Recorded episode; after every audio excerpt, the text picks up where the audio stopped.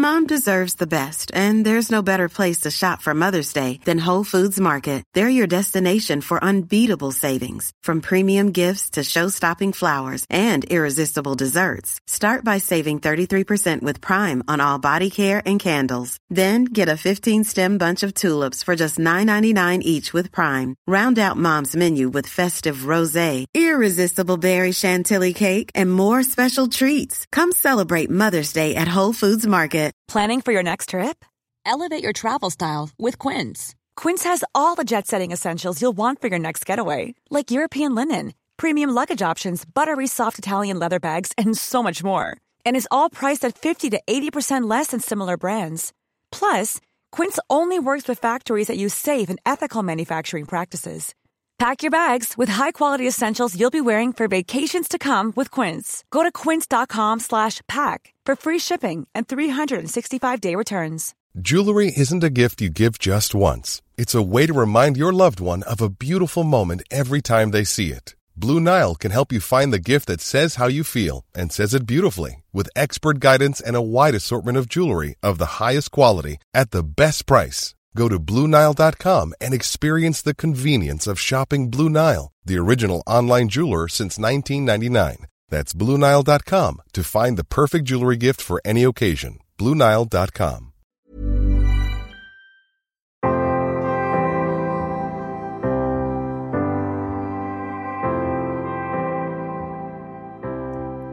Hej och välkomna till Bröllopstankar. En podcast för dig som går i bröllopstankar, som ska gifta dig eller som bara älskar bröllop i stort. Jag heter Isabella och jag är eventplanerare och bröllopskoordinator. Och jag tycker att alla brudpar förtjänar en stressfri bröllopsplanering och att få njuta så mycket som möjligt av sin bröllopsdag. Så därför så älskar jag att få dela med mig av tips och strategier som jag själv använder mig av som bröllopskoordinator. Och jag hoppas att jag med den här podden ska inspirera och förhoppningsvis komma med bra tips som ni har nytta av i er planering. Och det absolut roligaste jag vet det är när jag får kommentarer från er som lyssnar och när ni säger att Åh, jag hade aldrig tänkt på det där om inte du hade pratat om det i podden. Och ja, det är bara så roligt att få med och förenkla processen för er. Tanken med den här podden är absolut att man ska ta upp saker från grunden. Men jag tycker också att det är väldigt roligt att dela med mig av just sådana saker som ni kanske inte har tänkt på innan eller som kanske inte står på alla bröllopsbloggar eller som man enkelt bara kan googla sig till. Det är i alla fall min förhoppning och även om vi såklart även täcker grunderna i den här podden så vill jag dela med mig av sådana små förändringar som kan göra att gästerna får en mycket bättre upplevelse av bröllopet eller de här små ändringarna som kanske gör en jättestor skillnad i budget till exempel. Och dagens avsnitt, det vet ni redan att det är en frågepodd. Som jag har tjatat om det och sett fram emot det här avsnittet. Jag har fått väldigt många frågor vilket är jättekul så att jag tänker att jag bara kör på här nu och så ser vi hur många vi hinner med och annars så kanske jag sparar lite frågor till ett nytt frågeavsnitt lite längre fram helt enkelt. Så första frågan kommer här. Vad ska man tänka på om man planerar ett bröllop utomlands? Och jag inser ju då redan här att många av de här frågorna skulle kunna bli helt egna avsnitt och just den här frågan kanske också kommer bli det längre fram för det finns ju såklart jättemånga saker som är viktigt att tänka på om man planerar ett bröllop utomlands. Men några saker som jag kan ta upp nu Eh, som jag tycker är bra att tänka på. Framför allt, nummer ett, det är att skicka ut save the date och inbjudan i god tid. Egentligen så snart som ni har er location bokad och klar och gärna åtminstone ett år i förväg. Och det är just för att gästerna ska ha god tid på sig att planera Eh, eftersom att bröllop utomlands kräver lite mer av gästerna än om man bara ska gifta sig på hemmaplan för att man ska resa någonstans, man kanske ska vara borta i flera dagar, man kanske måste ta semester, man ska fixa boende, alla sådana saker. Så att det tycker jag absolut att man ska tänka på. Nästa sak jag tycker man ska tänka på det tycker jag egentligen alltid man ska tänka på men kanske framför allt om man gifter sig utomlands då det kan vara lite andra regler som vi inte är vana vid. Och det är att läsa igenom alla kontrakt jättenoga.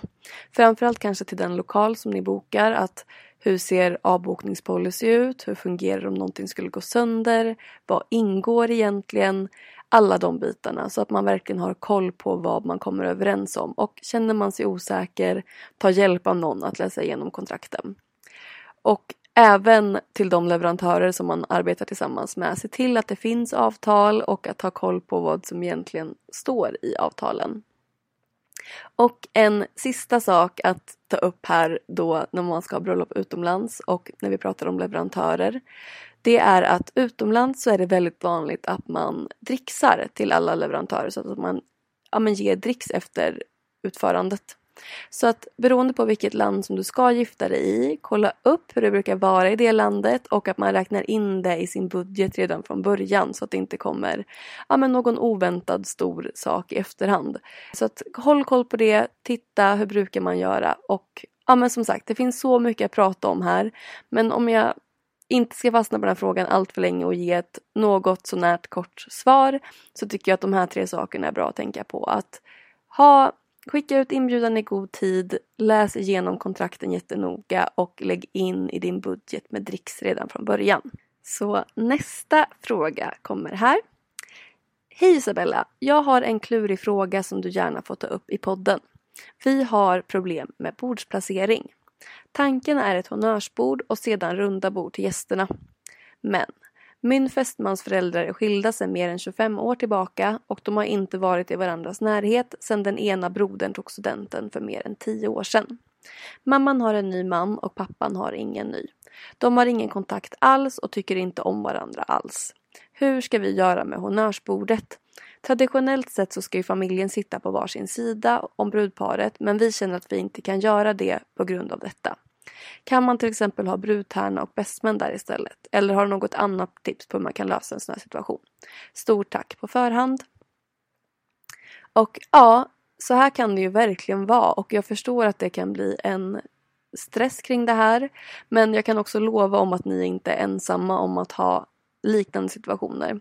Och det är säkert flera som känner igen sig med olika familjekonstellationer på olika sätt som man behöver ta hänsyn till och hitta ett upplägg som fungerar för.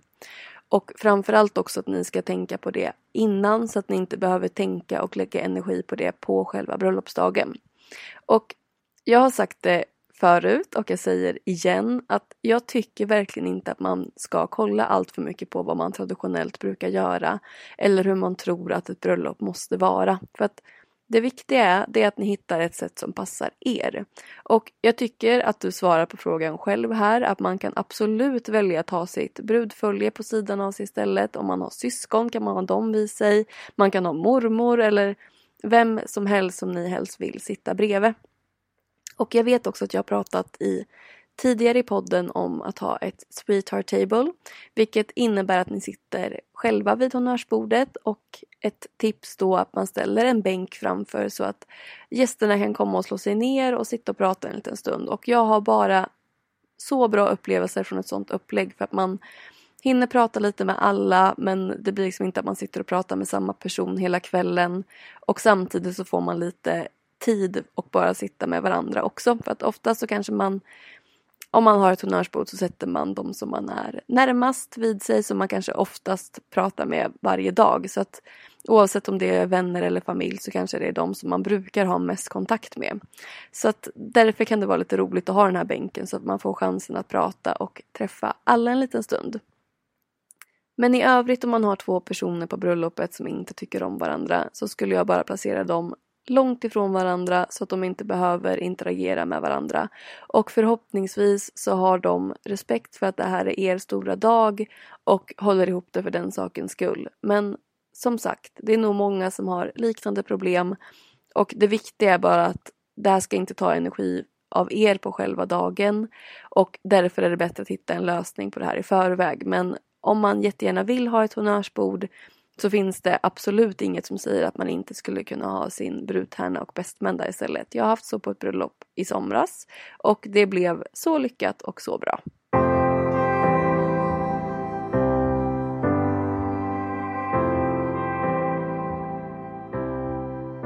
Då har vi nästa fråga. Vad ska man tänka på vid en borgerlig vigsel?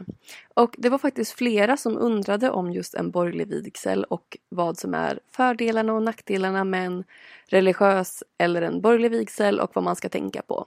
Så en borgerlig vigsel, det innebär egentligen att det är en ceremoni utan några religiösa inslag. Så att själva ceremonin i sig självt tar ungefär fem minuter eller ännu snabbare om man vill det.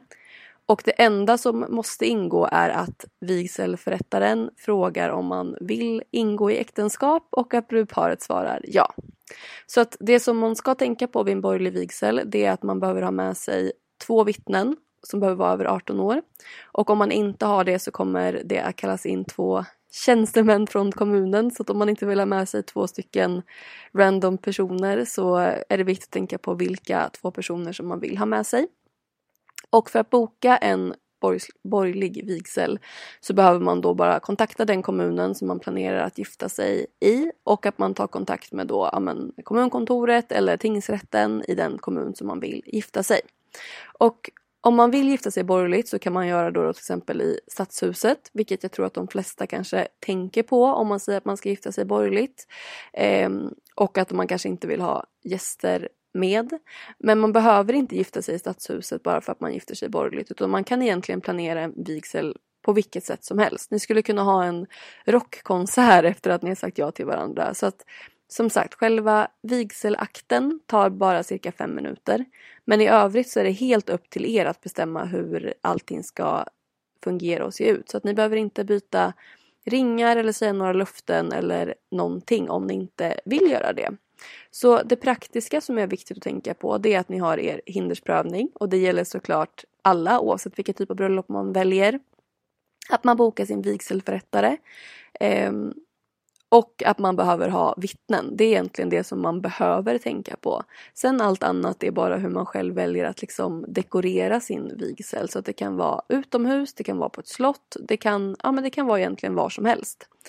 Och sen så är bara det viktiga att ni bestämmer hur lång ceremoni ni önskar att ha och vilka moment som ni tycker är fina och viktiga för er. Om det då är att skriva luften till varandra, ha en sång, att man kan bli uppburen i luften, att man har en akrobat, alltså det kan vara vad som helst. Så det är bara viktigt att tänka på hur ni vill ha upplägget och sätta ett upplägg tillsammans.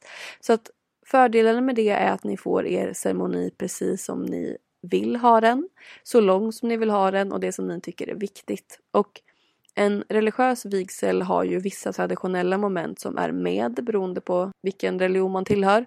Eh, så är man troende så kan ju det här vara väldigt viktigt. Men jag tycker att det är svårt att prata om för och nackdelar utan det är helt enkelt vad som passar en bäst. Men att göra en borgerlig eller en religiös vigsel kan likna varandra väldigt mycket eller vara väldigt olika beroende på brudpar och vad ni tycker passar bäst för er. Då tar vi nästa fråga. Eh, då står det så här. Hej, här kommer en fråga till podden. Jag har hört att du har pratat om att sätta teman för bröllop. Jag skulle gärna vilja ha ett personligt bröllop men vet inte riktigt hur man gör. Vi har inte en romantisk historia att berätta. Vi träffades på en partyresa på Rhodos och vi har inte direkt några gemensamma intressen som segling eller musik som du nämnt tidigare. Men jag skulle ändå vilja ha ett personligt tema. Vilka saker ska man göra personliga? Vad ska man tänka på? Och hur vet man att de detaljer som man tänkt ut blir tillräckligt många för att det ska kännas personligt? Och det här var ju flera frågor i en men jag tyckte att det var en så rolig fråga så jag tänker att jag får dela upp det lite. Men till att börja med då, att ni träffades på en resa. Det går ju absolut att bygga ett helt tema på det som kan bli jätteromantiskt även om det kanske inte känns romantiskt från början. Och anledningen till att jag tycker så mycket om att jobba utifrån teman det är egentligen inte att alla gäster måste förstå när de kommer till bröllopet att så här, aha, det här är ett rådosbröllop. Utan man kan ändå ha ett rådostema men att man tar de här små subtila val som kanske inte alla gäster ens uppfattar. Men att deras upplevelse, liksom totala upplevelse ändå blir att det känns väldigt genomtänkt. Så det behöver inte vara liksom som ett barnkalas att man ska komma in och att temat ska vara överallt och liksom stå överallt. Men man kan ha ganska enkla teman men ändå att göra att det blir en helhet. Och sen så handlar det om då hur mycket man vågar spexa till det och ja, men hur mycket man liksom vill dra ut på det hela helt enkelt. Men man kan ändå göra det väldigt enkelt. Så att eftersom att jag inte vet så mycket om er nu då, vad som är personligt för er och vad som sticker ut med er förutom det lilla som du nämner här så tänker jag att man verkligen kan sätta ett tema kring er första resa, första dejt eller första tid tillsammans som tema på ert bröllop och med det komma jättelångt. Så i det här fallet då ja men ett rådåsbröllop. Och det viktiga när man sätter tema det är framförallt att man är enhetlig i sina val. Så att man väljer man en typ av blommor så går det som en röd tråd genom hela dagen. Att man inte så byter från vigseln till middagen utan att man håller den här röda tråden genom hela dagen. Och det kan till och med göra att man får färre val att göra för att man har gjort ett val som man liksom håller sig till genom resans gång. Så att några snabba enkla saker som man kan göra det är att till exempel på minglet servera någon kanske lyxigare variant av vad ni nu drack på er resa. Eh, att man skapar en mingelyta som är inspirerad av destinationen. Man kanske har lite så här utomlandskänsla häng med ja, men, valet på stolar, kuddar, hur baren ser ut, vad man spelar för typ av musik. Man kanske väljer till middagen sen servera grekisk mat. Man kanske väljer ett porslin som man tycker passar, kanske en så här olivkvist vid varje namnlapp. Det behöver inte vara så jätteavancerat utan de saker som man väljer att ha och som de detaljerna som man väljer att fokusera på finns det en, en tanke kring. Sen när festen drar igång så kanske man inspireras av någon klubb som man var mycket på under den här resan och då kanske det räcker att man liksom ljussätter på ett liknande sätt eller att man delar ut sådana här glowsticks armband som man kanske hade eller att man bara går ifrån det helt, att man kanske bara ja men i baren har en skylt där det står ja, Peppes Bodega eller vad det nu kan ha varit för klubb som man var på. Men att man ja, att man tar de här små sakerna och sätter tänker ut att de ska ha med temat att göra. Och hur vet man att de detaljer som man har tänkt ut blir tillräckligt många för att det ska uppfattas som ett tema? Då tänker jag att har man i de valen som man tvingas göra när man planerar ett bröllop tänkt utifrån ett tema så kommer det kännas enhetligt. Och som sagt, vissa kanske kommer uppfatta temat jättemycket. Vissa detaljer kanske ingen kommer tänka på eller vissa kanske tänker på det. Och vissa saker kanske någon kanske inte tänker på temat överhuvudtaget men det kommer ändå kännas väldigt genomtänkt och som ett personligt bröllop. Så att jag hoppas att det svarade på, på frågan. Och jag tror att vi hinner med en till fråga för idag. Jag trodde att jag skulle hinna med så många frågor men det går ju så snabbt. Men eh, ja, det kommer ju komma fler, fler frågeavsnitt längre fram också. Men vi tar sista frågan för idag. Då går den så här.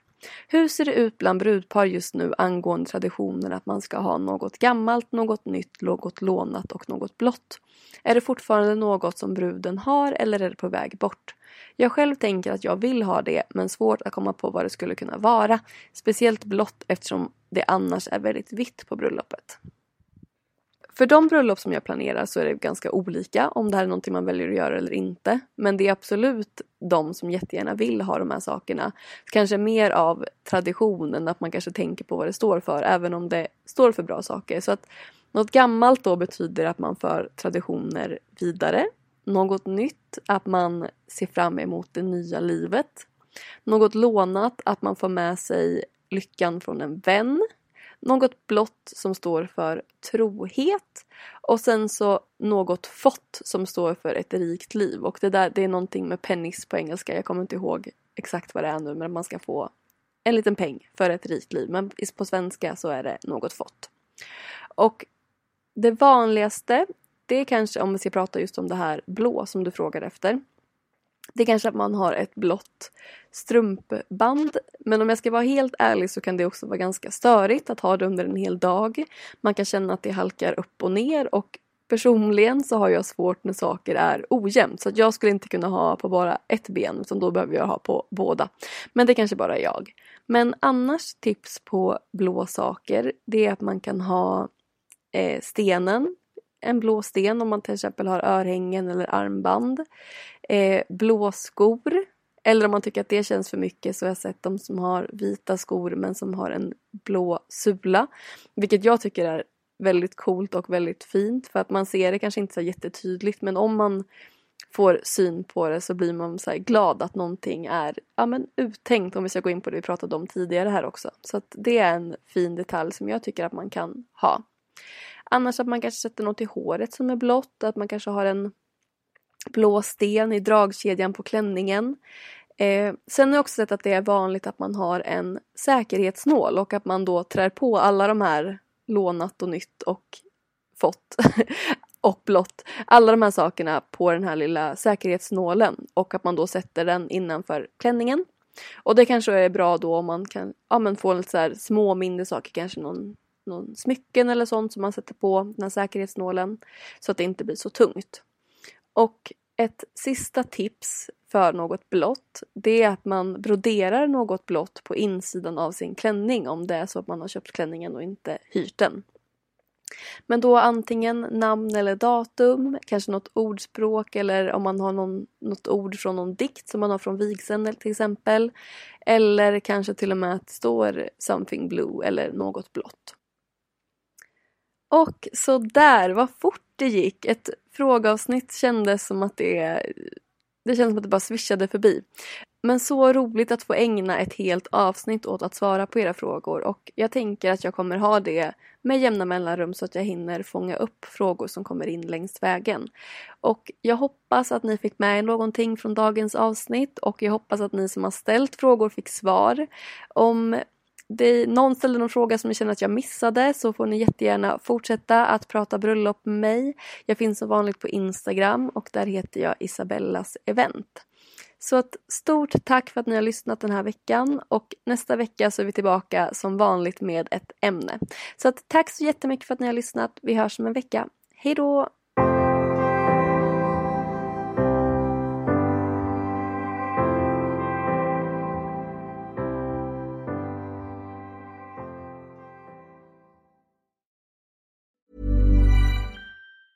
Hi, I'm Daniel, founder of Pretty Litter. Did you know cats tend to hide symptoms of sickness and pain? I learned this the hard way after losing my cat, Gingy. So I created Pretty Litter, a health monitoring litter that helps detect early signs of illness by changing colors, saving you money and potentially your cat's life. Pretty Litter is veterinarian developed, and it's the easiest way to keep tabs on your fur baby's health right at home. Go to prettylitter.com and use code ACAST for 20% off your first order and a free cat toy. Terms and conditions apply. See site for details. Even when we're on a budget, we still deserve nice things. Quince is a place to scoop up stunning high end goods for 50 to 80% less than similar brands. They have buttery soft cashmere sweaters starting at $50, luxurious Italian leather bags, and so much more. Plus, Quince only works with factories that use safe, ethical, and responsible manufacturing. Get the high-end goods you'll love without the high price tag with Quince. Go to quince.com slash style for free shipping and 365-day returns. Imagine the softest sheets you've ever felt. Now imagine them getting even softer over time. That's what you'll feel with Bowl and Branch's organic cotton sheets. In a recent customer survey, 96% replied that Bowl and Branch sheets get softer with every wash. Start getting your best night's sleep in these sheets that get softer and softer for years to come. Try their sheets with a 30-night guarantee. Plus, get 15% off your first order at bowlandbranch.com. Code BUTTERY. Exclusions apply. See site for details.